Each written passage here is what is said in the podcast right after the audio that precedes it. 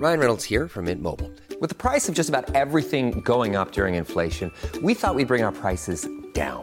So to help us, we brought in a reverse auctioneer, which is apparently a thing. Mint Mobile unlimited premium wireless. Ready to get 30, 30, bit to get 30, bit to get 20, 20, 20, bit to get 20, 20, bit to get 15, 15, 15, 15 just 15 bucks a month. So, Give it a try at mintmobile.com slash switch. $45 upfront for three months plus taxes and fees. Promo rate for new customers for limited time. Unlimited more than 40 gigabytes per month. Slows. Full terms at mintmobile.com.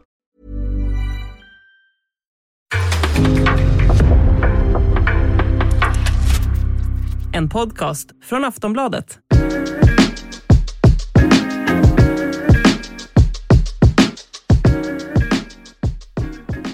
Allsvenska podden är tillbaka och vi kör på med full styrka trots att det pågår ett e- VM i Qatar.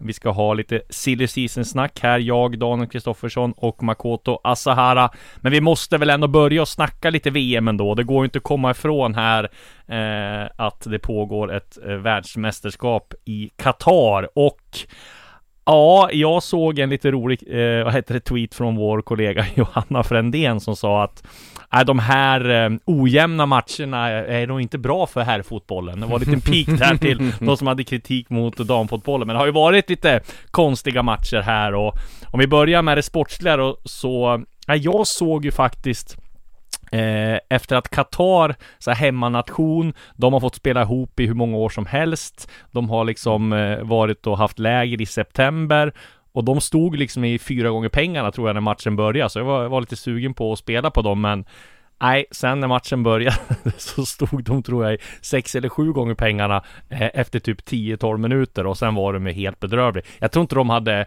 eh, vad heter det, slag i Sollentuna ens en gång med tanke på hur dåliga de var. Jag blev förvånad över hur dålig Qatar var, vad säger du? Ja, det blev jag också. Ja. Eh, det Vann känd- inte de asiatiska mästerskapen efter För tre år sedan ja. Och det känslan man fick var väl lite att de pikade då. Me- mer om det i VM-podden som är igång förut. Där pratade vi just om den där ma- matchen bland Ja. annat. Eh, men nej, alltså inledningen, om man tar till exempel då den, den match som jag gissar på att kollega Frändén syftar på så var det väl Englands kross av Iran där med 6-2 där. Jag tror vi kommer få se fler matcher av den typen där, eftersom att spelarna är slutkörda. Ja. Och det gäller ju även lag som försvarar. Om du släpper in ett, två mål snabbt Mm. så är det nog väldigt svårt att hålla uppe energin och tempot för att orka med att också hålla igen och hålla tätt. Så jag tror att den, när det är två lag med klasskillnad kan vi nog få se rejäla rejäla svängningar och rejäla resultat, men vi får väl se, det är väldigt svårt att förutse någonting med det här VMet. Det man kan konstatera är ju att om man, och bortsett från hela den här situationen med just att det är Qatar som arrangerar det Ja. och så vidare, så har ju aldrig ett VM varit så eller i alla fall vad jag kan minnas, aldrig så ointressant ur ett allsvenskt perspektiv, då vi inte har en enda allsvensk spelare med. Nej, det är ju helt... Eh, det, det, alltså någon tredje målvakt någonstans. Att- Jo men alltså det, det var ju ganska många, jag kommer ihåg där när När, eh, när jag var på VM i, i Sydafrika 2010 Då spelade ju Sebastian Eguren liksom i Uruguay Och det var ju väldigt många allsvenska inslag Mm. då liksom Man, Men nu, och AC som var med i Danmark Ja. och, ja det finns ju många exempel Alltså, alltså vi, absolut, Celso Borges är med, Ja. Josef Aido är med, Daniela Martey är med, Issam Jebali är med, Ja. Atiba Hutchinson är ju med, så att visst finns det allsvenska Allsvenska. bekantingar, Ja. men ingen som är i, i serien här och nu, så att säga. Nej. Eh, och det är, det är anmärkningsvärt tycker jag ändå att Ja, in, inte ens en eh, liten tredje målvakt i Tunisien eller dylikt eh, Nej. spelar sin fotboll i Allsvenskan idag. eh, Bara kort bara, vad har du, vem har du tippat som vinnare av VM? Brasilien sen Ja. eh, tidigare, vi får väl se hur det går med, mina tips hittills har ju varit helt fel. det kan man väl säga. Det brukar ju- vara så. Ja, Nej, jag har också Brasilien. Jag har ju gått all in på dem i i Sportbladets manager här, VM manager. Så att vi får hoppas att de möter ju Saudiarabien. Jag hoppas det kan bli tvåsiffrigt där då i alla fall. Men du, eh, vi lämnar VM där då och ni får inte glömma att följa alla våra fantastiska, eh, vad heter det, kollegor på plats. Linn Mm. Nordström, Pontus Orre, Erik Niva och senare också Simon Bank som skriver väldigt bra om, ja men Frida Fagerlund. Frida Fagerlund också precis som skriver väldigt bra om Ja men spelar mycket om det som händer utanför Ja. och mm, allt. Så det, det är väldigt härligt att se. Men om vi lämnar då Qatar eh, VM och så går vi till det absolut mest väsentliga som händer här hemma. Det är ju allsvensk silly season. eh, som den är i full gång nu och... Nej men ska vi gå direkt på Lite breaking news här, det var ju att Degerfors slog till med en värvning. Berätta om det Makoto. Ja, de eh, värvade en spelare här som eh, var på provträning med IFK Norrköping så sent som, eller provspelade. Gustav Lindgren va? Ja, precis, från Sollentuna, Ja. anfallare som eh, gjort massa mål i division 1 här, spännande Spännande löfte, eh, men det intressanta är just att han var och provspelade med IFK Norrköping, fick ganska goda, goda lovord från eh, tränare Glenn Riddersholm, men sen då så dyker han upp i Degerfors tröja efter det. Alltså Eh, dagen efter va? Ja, ja mer eller mindre precis, Ja. så att, och då, då kan man ju fråga sig, då måste det varit ganska långt gånget med Degerfors Ja det får man säga, var i men- princip klart. Det var väl så här. Äh, ja, ja, jag trodde inte jag skulle komma överens med Degerfors, men äh, jag får åka och, jag har ju lovat Norrköping och provträna, jag får åka dit och köra ändå då. Så Ja, och, och, det. ja, tänk om jag tycker det här är jättekul, alltså, eller något sånt där, och då var det väl inte så kul kanske i det där snöovädret att springa, springa runt där på den här testmatchen de hade, men eh, ja, eh, Degerfors istället då rent speltidsmässigt och så vidare så är väl det jättebra Ja. val av honom på så sätt, är ett väldigt, ett mindre steg upp Ja. eh, Även om Degerfors och Norrköping inte var långt ifrån varandra i tabellen den här säsongen ska ju sägas Nej. Så, äh, det är väl en, det är spännande att se vad han kan göra på, på den här nivån och hur mycket chanser han får Men Degerfors är ju en trygg miljö att komma till i alla fall Ja, verkligen. Alltså, så man ska väl säga att jag inte sett mycket av eh, Gustav Lindgren här, men det man kan säga är ju att eh, Patrik Werner, sportchef i Degerfors och tillsammans med tränarna har ju prickat väldigt rätt med nyförvärven på senaste Mm. tiden. Jag tänker då på Gustav Lagerbielke och Omar Faraj som i princip räddade kvar klubben. Ja, det är Eh, två ändå- klockrena rekryteringar, Och jag menar lånet av Alfie Whiteman och sådär har ju varit Mm. ganska bra. Så att det känns ju som att de har en trygg eh, värvningsstrategi i Degerfors, Mm. vilket de måste ha med tanke på, ja, de har inte de rikaste, eller de har inte de bästa resurserna ekonomiskt då. De vill väl hämta John Stenberg här också? John, precis ja, det Mm. har jag skrivit om också. De har ju förhandlat med mittbacken John Stenberg, 30-åringen som spelade i Östers IF den här gångna säsongen och var ju Ja, inte nära får man säga, men de kvalade i alla fall till Allsvenskan, men Ja det är väl nära? Ja, alltså, det är väl då. Ja, nära nej, då. allsvenskan ändå. Nära, jo de var nära Och det blev ju faktiskt lite när där, där de kvitterade Ja. 1-1 i sista mötet Så de kanske hade kunnat få till en förlängning då Men han har ju Mm. varit nyckelspelare där Gjort 28 matcher, tre mål Degerfors behöver en liten ledare i försvaret sen eh, Och en ny, en, Mm. nästan en, en eller två mittbackar efter att Gustav Lagerbielke har försvunnit Och han kommer ju inte komma tillbaka till Degerfors Jag gissar på att Lagerbielke får en ny chans i Elfsborg här För att det är väl mycket troligt att både Jaurier och Väisänen säljs. Men eh, ja, men det blir spännande att se eh, om, om de lyckas göra klart med med vad heter det? John Stenberg. John Stenberg här. Ja men det är väl också återigen alltså bevisat sig själv i Superettan, en ledargestalt, Mm. har det mesta som, som mittback, tror jag skulle funka ganska bra i, i Degerfors också. Mm, precis.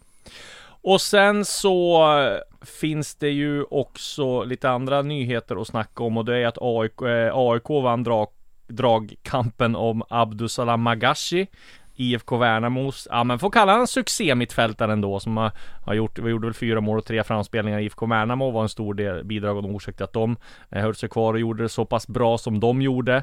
Eh, han har valt AIK framför klubbar som Norrköping, Kalmar, Malmö var med och nosade där också lite grann. Och eh, det känns ju, jag vet ju att ju både Jurelius, sportchefen och Brännström gillade honom väldigt mycket och det är flera spelare i AIK som har legat på där också för att liksom få till den värvning. Så den känns det ju som en bra värvning av AIK. Eh, jag tror att han kommer göra väldigt mycket nytta där. Eh, sen finns det ju så här också när han är 24 år. Skulle han göra det bra där en eller två Mm. säsonger så finns det ju liksom göra poäng så finns det ju liksom ett värde i att de kan sälja vidare honom också. Ja, jag har ju sutt, de gånger jag har suttit här i den här studion i det här allsvenska sammanhanget så har jag alltid sagt i princip att AIK behöver värva en central mittfältare och att det är en, en, en tunn position i truppen. Framförallt nu när Seb Larsson har slutat och Magashi är väl en perfekt rekrytering då. Också med tanke på kontraktsläget, fri transfer, Ja. får in honom, ung, som du säger, utvecklings, utvecklingsbar och kan säljas vidare också. Sen är det en ganska häftig resa han har gjort att han kommer till Värnamo med dem uppe i Allsvenskan, har ju bara en allsvensk säsong och eh, ja, etablerar sig direkt egentligen och var en av eh, klubbens viktigaste spelare på att Värnamo gör, Värnamo gör ju en supersäsong när de Mm. klarar sig kvar på det sättet de gör. Så det ska bli väldigt spännande att se vad han kan göra på en större scen om, Ja. om man byter ut ja, Finnvedsvallen mot eh, Friends Arena. Det är ju lite, lite skillnad i storlek och tryck och press Mm. Och spela på Friends Arena istället. Men det tror jag nog att Magashi skulle kunna lösa. Han har ju haft lite av en raketkarriär också så Mm. det ska bli Nej, jag tycker en bra värvning. Sen om man kommer gå in och starta dag ut och dag in på det där AIK-mittfältet, det får vi väl se beroende på vad de gör för andra rekryteringar. Ja. Men bara för att ha en bred trupp så tycker jag att det är en utmärkt värvning det här känns nu. ju som han är värvad för, för, för att starta men sen får vi se om Ja. hur konkurrensen ser ut. Ja precis, sen, sen det är ju bara, bara det faktum att AIK är tidigt ute Mm. Eh, är väl viktigt för dem också. Och det är just du säger att de är tidigt ute. De är på väg att göra klart med Rui Modesto också, en wingback, en portugis 23-åring från FC Honka i Finland som har öst in mål och framspelningar. Eh, och just det här att de är ute tidigt, det är ju att för de har lärt sig hur det var med John Guidetti. De trodde han var klar i, i, i våras. Han kom till sommaren istället. De fick använda han i, ja men 12 matcher mindre än vad man hade tänkt. Han kom inte liksom ja, Han kom ju igång till slut men han hade ju mycket längre startsträcka än man hade haft om han hade kommit in i vår. Och AIK i sin tur fick ju panikvärva eh, Kimpioka där som inte alls har varit lyckad. Eh, istället för, för eh, Gudetti då där i, i våras. Så att det är klart att det har de ju lärt sig om och det tror jag eh, sportchef Jurelius var väldigt tydlig med också. Eh, eh, när han pratade ut om det här eh, Att Gudetti inte kom eh, till våren då Att vi, vi måste lära oss av det här och vara Väldigt eh, mer Ha större framförhållning och, och sätta truppen tidigt. Och nu har man gjort klart med Omar Faraj Man har flyttat upp tre eh, talanger från U-laget Och nu så hoppas man Eller presenterar man ju Rui Modesto här och eh, Abdusalam Magashi Troligtvis den här veckan de Kanske även eh, att det dröjer till nästa vecka. Där har de ingen brådska beroende på sign-on och sådär. Så att där är man ju väldigt tidigt ute då liksom. Känns det som. Ja, sen, sen är det ju skönare att de, alltså för AIKs del att när de panikvärvar så värvar de ändå lovande spelare. Så Kimpioka har ju framtiden för sig. Absolut. Colin Fichenje som Ja. kom in där på slutet har ju också verkligen framtiden eh, framför sig. Så att på så vis var det väl positiva panikvärvningar. Ja. Men det var väl, de ville för- väl inte göra dem i det, det liksom den situationen. ja, nej. precis. Så när de kommer in med väldigt stor press och du har en trupp som överlag är tunn. Nu har du ju chans istället att i lugn och ro bygga, sen får vi väl se om Rui Modesto här som kommer in. Det är ju inte någon Alltså succégaranti att ta stinn poäng i den finländska ligan. Det har vi det är sett det förr. absolut inte. Ah, Robert ah, Taylor kommer jag att tänka på där. Som var i AIK. ytterback som Has, eh, Hasse Backe. Dunderhyllade som Mm. supersnabb. Kom till AIK. Eh, gjorde ingen glad där. Men sen fick en utväxling som var hur bra som helst.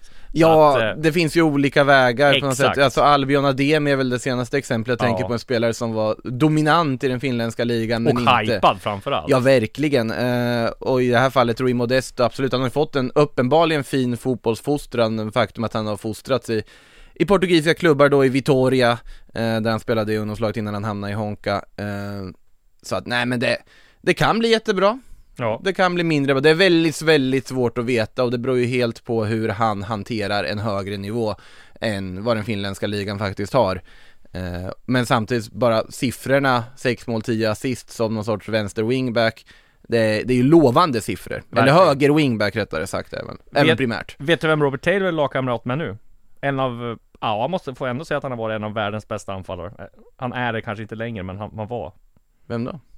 Gonzalo Higuain i Inter Miami. Viktigt att poängtera, han var lagkamrat med Gonzalo Higuain Ja. Eh, han, han har dragit va eller? Ja, han har ju slutat Higuain Så var det. Med tårar och allt Ja, Eh, så var det. En av mina absoluta favoritspelare genom tiden förut Mm. också, Gonzalo Pipita Higuain. Men han kan ju bli lagkamrat med Messi då, Ja, om, om Messi dyker upp i Inter Miami istället, vi får se vad som händer men han, han har varit lagkamrat med, med här, han, han har varit Det hade varit en kant ändå, Taylor och Messi. Ja, det hade varit fantastiskt. Och så har ju eh, Beckham som ägare till klubben Bara bara, bara det. Ett litet sidospår på Robert Taylor som har varit lagkamrat Sidospår är viktiga. Ja, verkligen. Eh, sen så har jag eh, skrivit tidigare om att det finns MLS-intresse för Stefanelli. Jag tror att det kvarstår, så att det är väl oklart om han blir kvar i AIK eller inte. De håller väl på och tittar där MLS-klubben. Jag vet inte vilken MLS-klubb det är.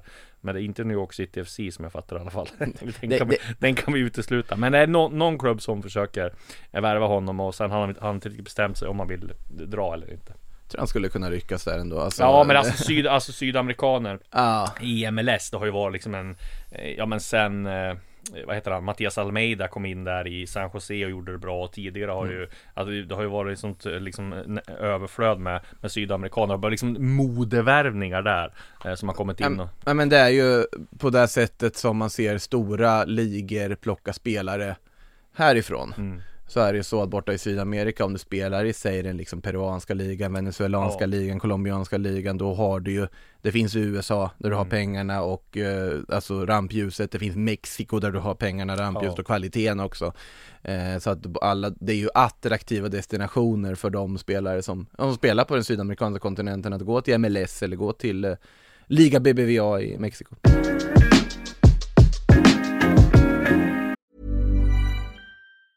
Hey, I'm Ryan Reynolds. Recently, I asked Mint Mobile's legal team if big wireless companies are allowed to raise prices due to inflation. They said yes. And then when I asked if raising prices technically violates those onerous two year contracts, they said, What the f are you talking about, you insane Hollywood ass?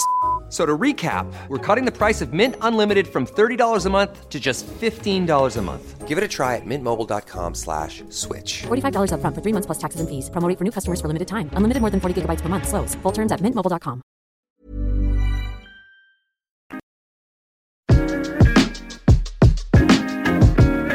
Och går vi och tittar på Djurgården då så har de ju nu presenterat eh, Carlos eh, Moros Gracia. Den pratade vi lite om tidigare Mm. också, för jag hade skrivit. Han var ju i princip klar då också, mittback som eh, kommer in som en ledargestalt. Och tidigare har vi sagt också att de har ju haft framgångar med tidigare Sundsvallsspelare som har, som har gjort det bra och varit ute och kommit tillbaka. Så att Marcus Danielsson och eh, Carlos Moro Gracia kanske då kan bilda anfallspar. Inte kanske i början av säsongen. För, för- mittbackspar hoppas jag. Ja, mittback- ja, precis. annars, annars, är det något helt nytt de flyttar på Kim mitt- bollen.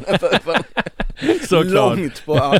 Mitt långa bollar på, på, På Danielsson. Ja, det vill jag se. Ja. Ja. Nej men eh, om då Hjalmar Ekdal säljs, annars så, så känns det väl som om Ja om de inte ska spela en trebackslinje så kommer väl Moros Gracia vara Mm. tredje varet då där Men nu har de ju alternativet att spela en trebackslinje och Exakt. det där är ju det viktiga också att du har en bred trupp och det var ju Ja. där Djurgården föll på, det pratade vi om förra veckan också, att de Exakt. behöver bygga bredden för att kunna hantera Europaspel och att slåss om SM-guldet hela vägen in i kaklet, att båda, det gick ju inte i höstas. Eh, även om Djurgården ska vara väldigt nöjda med sin säsong ändå med tanke på hur otroligt bra de sköt, eh, vad heter det, Europaspelet. Eh, och ändå var med ganska länge i toppen så att nej nu är det gäller det att bredda för du har spetsen i truppen och sen får man väl se vad de får behålla också för det är ju väldigt långt kvar av det här fönstret fortfarande. Ja det är ju väldigt tidigt då Mm. och vissa Så det är väl har- inte ens öppnat på pappret då. Nej precis, och viss, men vissa klubbar då som AIK till exempel har varit mer aktiva med tanke på att de känner väl det här att, eh, ja lärdomen som vi var inne på. Sen tror jag att väldigt många klubbar kommer ju ha is i magen också. När när jag ringer runt och pratar med, med sportchefer så menar de att, ah, men det har inte riktigt tagit fart än.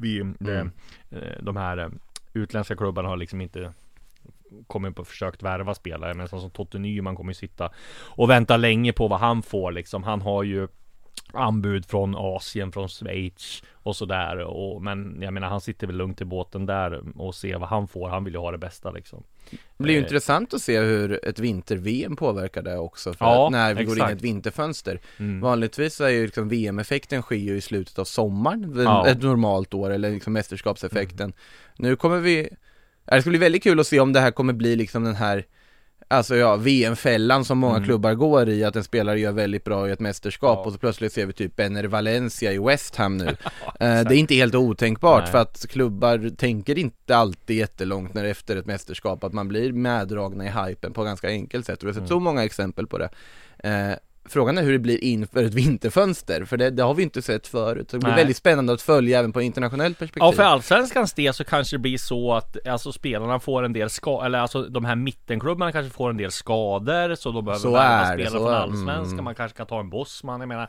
någon klubb i Holland kanske får någon skada på en anfallare och tar in Totte Nyman. Nej, men alltså, Mm. Ja, så, så- kan det ju vara effekten på, på effekten allsvenskan. finns också. Ja. Ja, så att ja, det blir spännande att se hur, hur det påverkar då. Mm.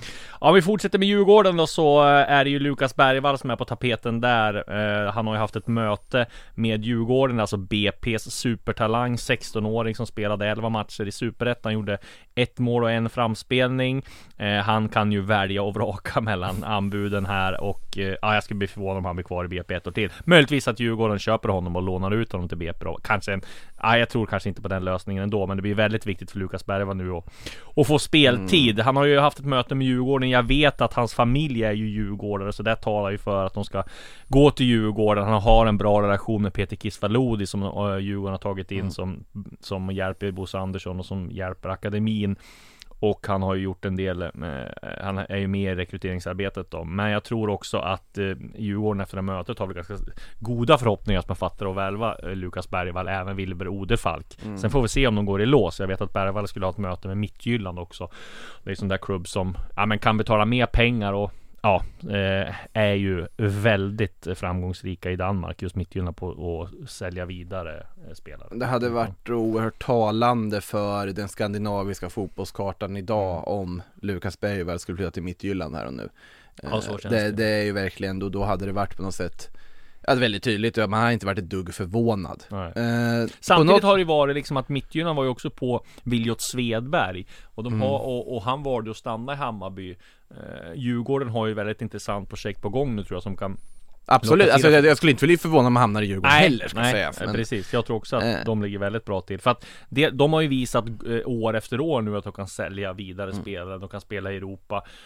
Och sen kanske Djurgården också måste börja ge plats åt sådana här talanger. Nu får, har de ju spelat på med väldigt Mm. rutin, inte sån här jättegammal trupp, men ändå rutinerad trupp. Ja. Man kanske måste börja se till och, och slussa in. Nu är det, han är ju 17 när, när nästa säsong börjar Mm. tror jag. Så att det är väldigt, det är svårt att se en 17-åring vara bärande spelare på ett centralt mittfält. Men att han kan spela kanske hälften av matcherna eller 10 matcher och spela cupmatcher och, och sådär. Han ska inte in och vara bärande, men han ska in och få om man nu hamnar i Djurgården så Ja. är det ju för att få en bra träningsmiljö med, Ja. med kvalitet på, på träningarna och på lagkamraterna Att då sakteliga slussas in, få lagom mycket speltid eh, det, det där är ju svårt också, mycket beror ju på skulle jag säga för en sån spelare Vad gör BP inför en allsvensk återkomst? Vad Ja. väljer de för approach till hur de sätter upp sin trupp? Har du en möjlighet att vara kvar i BP och vara en ordinarie bärande spelare där, då kan det ge mer. Ja. Men samtidigt, det där vet ju varje spelare och dess rådgivare bäst för dem själva. Vad är bäst för min utveckling? Vad mår jag bäst av? Vad, eh, vad liksom är nästa steg för att man ska nå så långt som möjligt? Och det, det kan vara Lukas Bergvall själv liksom gissa och spekulera i. Grejen med BP är att de har ju spelat väldigt fin fotboll, anfallsriktad fotboll som jag tror passar Lukas Bergvall. Exakt. Nu kommer de till Allsvenskan. Alltså kan de spela samma Eh, fotboll? det är precis det jag menar. är... Eller kommer de värva in en target för att tjonga långt Ja, på för att klara ett exakt. kontrakt? Nu tror inte jag, BP som klubb är ju inte typen av klubb som Nej, egentligen mäter inte. sin framgång på hur bra de går i Allsvenskan. Det mäts på hur bra de förädlar talanger. Det har varit Ja. hela deras signum och deras DNA hur länge som helst. Eh, Så att ur det här perspektivet så är det fortfarande en ganska bra miljö. Eh, framförallt när de får allsvensk matchtid också om de skulle Mm. vara kvar där. Men vi får väl se vad, hur de resonerar, BP-talangerna som ändå är i ropet. Och apropå då BP så är ju Christer Mattiasson aktuell, högaktuell för Sirius. Eh, det är även Axel Kjell. Eh, jag skulle inte bli förvånad om båda de två hamnar i Sirius på något vis. Att man kan hitta roller till, till båda dem. Men jag vet att Mattiasson vill till Sirius och kommer Sirius överens med BP så löser det sådär. Och Axel Kjell är, är nog också sugen på Sirius. Så att det kan kanske bli delat ledarskap där. Eller om Axel Kjell blir assisterande till Christer Mattiasson. Eller nu om BP vägrar släppa Mattiasson. Det vet vi inte. Klebe Sarenpää är i alla fall borta som, som jag fattar det som. Eh, men ja, det blir väldigt intressant där då och ehm, Olof Mellberg har ju, vet jag, diskuterat i BP också om Mattiasson skulle lämna. Och där har ju också BP pausat en del förhandlingar med spelare för nyförvärv. För man vet inte om tränaren är kvar liksom. Så att det är ju lite en osäker situation där då. Och, men UNT har ju, skrev ju här igår, eller förrgår tror jag det var, både om eh, Mattiasson och att han har varit där och besökt dem. Ja, alltså det låter väl som ett logiskt val i det här läget också på Det är något ett sätt. steg upp känns det som. Axel Kjell har jag ju så svart att se en annan miljö än Örebro. Ja, Alltså, det, det, så är det. han är så förknippad med ÖSK för mig på både gott och ont kan man väl Ja. säga. Det är en väldigt eh, i alla fall jag får intrycket av en väldigt sympatisk person och så vidare. Sen har vi inte arbetet i Örebro gått fläckfritt direkt med tanke på vart Örebro är idag. Eh, jag vet inte vad, vad han skulle kunna åstadkomma med en miljöombyte i en, i en Det sportchefsroll. känns som man behöver det i alla fall. Ja, ja det skulle jag nog behöva. Sen är frågan när det var Sirius behöver. Nej. Det, det ska låtas för osagt. Sen eh, Mattiasson känns för logiskt med liksom kopplingarna och så vidare från, Ja. från tidigare så, det, och det lutar väl ändå åt det är väl känslan. Ja, Ja. Så, känns, så känns det ju verkligen nu i alla fall.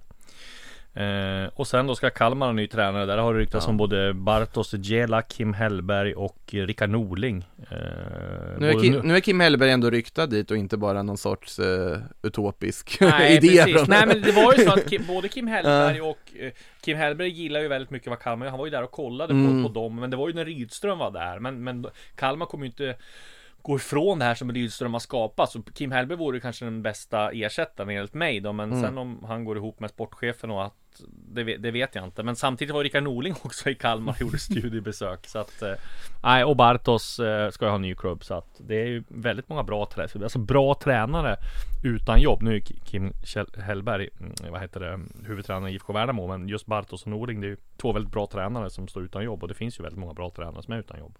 Vi ska väl inte utesluta att Norling var där för att hitta material till sin eh, YouTube-kanal heller. Nej, precis. Nytt avsnitt av Norling och Pense.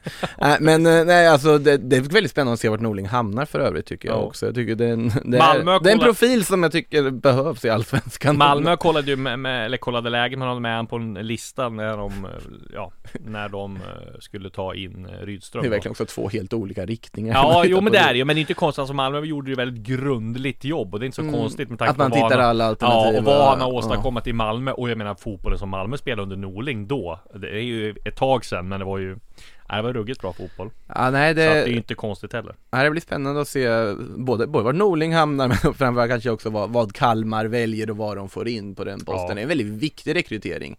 Känns så känns det ju. Det är viktigt att de inte gör en, liksom Island, typ ersätter Lasse Lagerbäck med Erik Hamrén och tänker att de ska spela likadant för att, ja men det är ju svensk förbundskapten tidigare det också.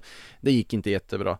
Eh, att man hittar någon som faktiskt kan fortsätta på den inslagna vägen, det tror Ja. jag är väldigt viktigt för den inslagna vägen är väldigt, väldigt bra och har varit väldigt Sen är frågan hur mycket av det har varit Henrik Rydströms personlighet, karisma, hur han Ja, exakt. hanterar truppen. Det är en fråga, men man måste nästan hitta ett svar på den frågan och få den Ja. besvarad. Eh, med att våga ta någon som vill spela en produktiv, offensiv, sevärd fotboll och det, det hoppas jag att man gör också för att eh, vill inte se ett Kalmar som börjar gå tillbaka till att tjonga långt igen, om man säger så. Det om det. Vi ska också eh, snacka om IFK Norrköping. De får svårt att behålla Nyman, även om ingenting är helt klart där. Men till 99% så lämnar väl han. Pågon Stetchin, som vi var inne på i förra avsnittet, drar ju Linus Wahlqvist. Där tror jag inte de vill betala speciellt mycket, utan de vill ha, ta han som bossman helst. Och, och då är det väl till sommaren i så fall, då när hans kontrakt går ut. Och då, jag gissar väl att Norrköping kan tänka sig att han får spela ut kontraktet och lämna sen. För då får de i alla fall eh, lite tid på sig att värva en, en bra ersättare. Samtidigt så är det väl den bästa lösningen hade varit att sälja honom för några miljoner och sen eh, hitta en rak ersättare och bygga vidare på. Man vet att Linus Wahlqvist inte kommer att vara kvar. Han kommer inte att förlänga. Så att eh, då är det bättre att man bygger vidare på något nytt. Men vi får Jens. Gustafsson försöker inte ens bara köpa spelarna, han vill ta dem på Bosman till Ja, och med. Den gamla Ja, han gör sig populär i, i, i Ja, men det, är- det, det är ju egentligen helt, helt rätt från uh, Gustafssons sida, han ska ju tänka på det bästa för det Ja, laget han tränar där och då, så, så- är det ju det, givetvis. exakt. Men eh, nej, Norrköping har ju väldigt, alltså, ja, delikat situation kan man väl säga Ja. på något sätt att det är många trotjänare som är på väg bort, du vill egentligen undvika den här Alltså osäkerheten som ändå funnits, tänker på lilla Alexander Fransson situationen Ja. förra säsongen som bara spred någon form av osäkerhet där man inte riktigt visste, ja, är det varit någon så här halvårsförlängning istället? Det vill du undvika. Mm. Du vill ha liksom tydlighet, antingen så är Linus Wahlqvist och Nyman kvar och skriver på längre, liksom vettiga avtal eller så får de gå vidare och testa lyckan utomlands. Mm. Vilket de båda givetvis har förtjänat sett till vad de har gjort för klubben genom alla dessa år.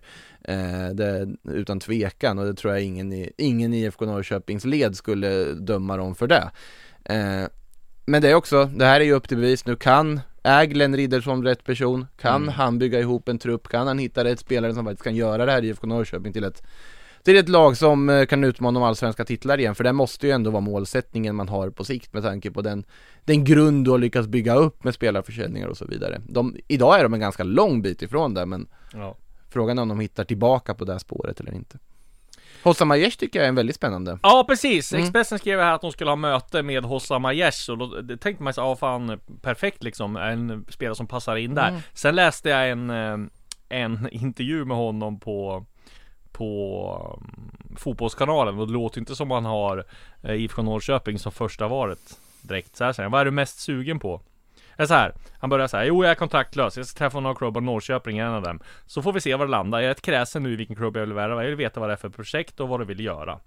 Äh, eh, vad är du mest sugen på? Frågar Fotbollskanalen. Jag är väldigt sugen på att spela bra fotboll om man ska vara ärlig. Det är det viktigaste för mig. Det är, vik det är viktigare än pengar för mig. Jag vill komma upp i den här nivån jag varit på. Jag vill spela en fotboll där vi styr matchen med boll. Där tror jag att vinnaren är koncept. Det blir en väldigt, väldigt viktig faktor i det jag väljer. Och sen så, det ser bra ut för mig. Det finns lite utomlands och i Sverige. Jag har ett eller två klara kontraktförslag utomlands som jag överväger. Samtidigt kollar jag i Sverige. Sedan får man ta beslut vad som är bäst för mig och min familj. Och då är det i Asien då som man säger. Så, så allting beror på hur bra powerpoint-presentation Glenn Ridderholm och Tony Ja Martinsson har äh, Glenn förberett. Riddersholm i sin tur då Han säger så här till Fotbollskanalen Vad jag vet så kommer han inte hit Det är en spelare som jag känner till och jag vet att han står utan kontrakt Men inte en spelare man tar hit på provspel Utan då skriver man bara kontrakt med honom Om det skulle vara intressant Men det är inte det jag säger att vi ska göra Det jag säger är att det är en spelare jag känner till Vad som händer i framtiden får framtiden utvisa Jag säger alltså ingenting med andra ord. Alltså, jag, jag tycker, en, Men om man ska hit, ta hit spelaren eh, Och spelaren säger att han ska hit Varför säger han att han inte ska komma hit? Det är jättekonstigt ja, men det, det, är väl som att Henrik Rydström säger att han inte ska skriva på för Malmö FF. Alltså, Nej att- det är det ju inte! för spe- det kommer ju, kommer ju, Glenn Riddersson kommer ju se att spelaren kommer di- alltså Ja, Nej, dyker är upp där. Ja, nej men alltså så här, från Ajax perspektiv tycker jag ändå låter beroende på vad, eh, alltså Norrköping Det låter ju som, stå låter för ju lite grann som att utomlands, om man har två klara som kontraktförslag utomlands som man överväger, låter ju som de ligger före. jag tycker, Ja. jag, jag tycker det är snarare, alltså det beror på hur man tolkar det, men på det, där jag hörde från att du läste där så tycker jag det låter som att han vill till en klubb där han kan utvecklas, så att han vill prata med IFK Norrköping då, utifrån vad de måste, om man tittar på Norrköping två år tillbaka, Ja. innan de har liksom tappat, tappat nivån och så vidare, då var det ju precis IFK Norrköping en sån klubb där du kan spela en offensiv, positiv fotboll, glänsa och sen liksom bygga upp ditt CV för att kunna göra en flytt utomlands. Frågan är vad det är för utländska anbud hos Amaye Char, vad är det Asien. för? Asien ja. Ja. Ja. vad spelar de? Det beror på vilken positiv fotboll de spelar där då. Absolut, om du kommer till ett japanskt lag så kan du åka dit och spela i kortpassningstrianglar med alla och inte komma någon vart, vilket, vilket man gör i J-League mycket. Men Men jag ja, hoppas verkligen att han går till Norrköping, för jag tror att han skulle passa bra där. Absolut, han skulle passa väldigt bra. Sen hoppas jag i och för sig att alla spelare går till japanska ligan, men det är, annan, det är, ju- det är ju liksom min... David Moberg Karlsson gör ju dundersuccé där va? Ja, men alltså det, man, om man går dit så gör man succé och det jag har också sagt förut i Allsvenska podden att Emil Salomonsson öppnade en väg där Ja. med hur han tog sig an Alltså äventyret i Japan, liksom förståelsen för kulturen, han är ju otroligt uppskattad där och det kommer jag fortsätta att poängtera och att det var ju han som också tipsade då i Moberg Karlsson om att det var ett kul äventyr att göra. Eh, så att jag hoppas att fler följer den vägen för att eh, jag hade i alla fall gjort det om jag fick eh, hänga och bo i Japan och spela fotboll där några år. Det hade inte varit helt dumt. Härligt! Vi avslutar den här veckans avsnitt med Japan. Nu ska vi gå och se vad Argentina kan åstadkomma mot Saudiarabien. Saudiarabien. Eh, det blir spännande att se eh, om Messi öser in mål. Vi tackar för eh, förtroendet och så är vi åter nästa vecka. På återseende då.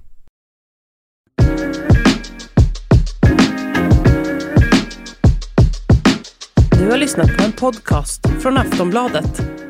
Ansvarig utgivare är Lena K Samuelsson.